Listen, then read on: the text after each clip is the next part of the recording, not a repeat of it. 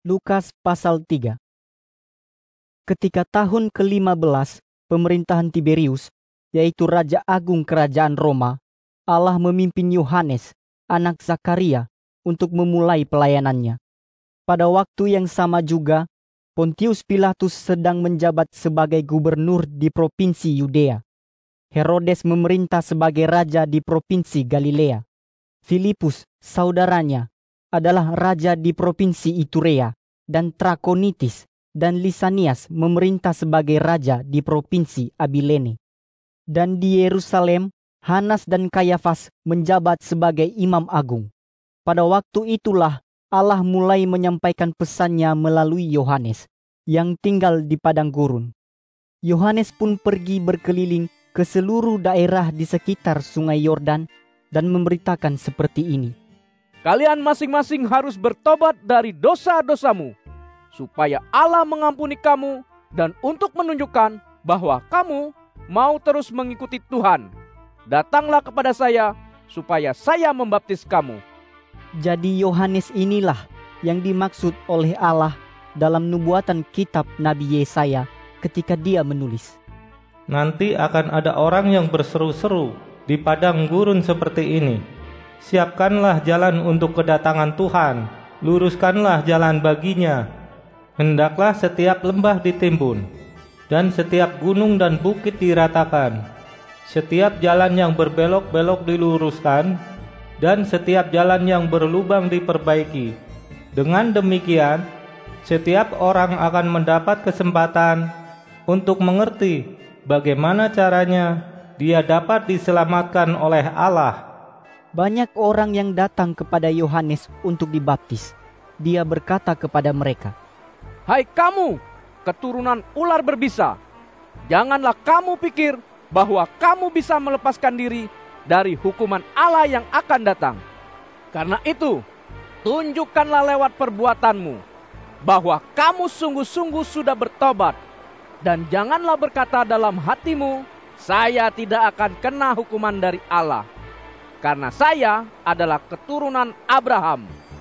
Saya berkata kepadamu bahwa Allah sanggup mengubah batu-batu ini menjadi keturunan Abraham. Seperti petani menebang dan membakar pohon yang tidak pernah berbuah. Seperti itu jugalah Allah sekarang sudah siap melenyapkan bangsa kita dan membuangnya ke dalam api. Kemudian orang banyak itu bertanya kepadanya, Jadi, apa yang harus kami perbuat supaya Allah tidak menghukum kami? Jawabnya kepada mereka, Siapa di antara kamu yang mempunyai dua baju, berikanlah satu kepada orang yang tidak punya. Kalau kamu mempunyai makanan, bagikanlah juga kepada orang yang lapar. Beberapa penagih pajak pun datang untuk dibaptis. Mereka bertanya kepada Yohanes. Guru, apa yang harus kami lakukan? Jawabnya kepada mereka, Jangan lagi menagih pajak lebih dari yang sudah ditentukan oleh pemerintah Roma. bahkan ada tentara-tentara yang bertanya kepadanya.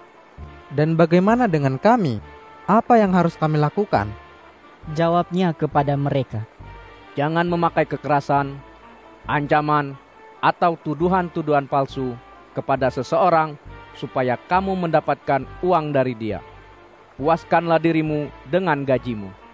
Karena pelayanan Yohanes, orang-orang menunggu dengan penuh harapan dan bertanya-tanya dalam hati. Apakah Yohanes adalah Kristus yang kita nanti-nantikan itu? Yohanes menjawab mereka semua. Saya hanya membaptis orang dari antara kalian dengan air. Tetapi sesudah saya akan datang seorang yang lebih berkuasa dari saya. Sebenarnya saya tidak layak untuk melayani dia, sekalipun hanya untuk membawa sandalnya. Dialah yang akan membaptis masing-masing kalian, ada yang dibaptis dengan roh kudus, dan ada dengan api. Oleh karena itu, bertobatlah, karena dunia ini seperti ladang besar yang siap dipanen, dan hasil yang baik dipisahkan dari yang tidak baik.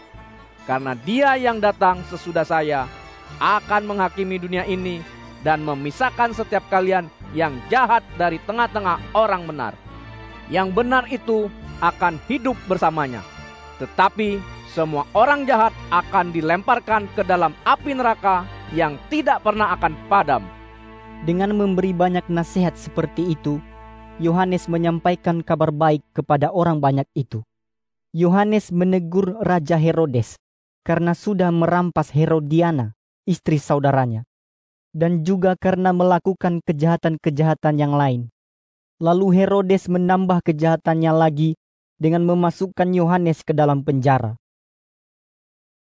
Ketika Yohanes sedang membaptis orang banyak, dia juga membaptis Yesus.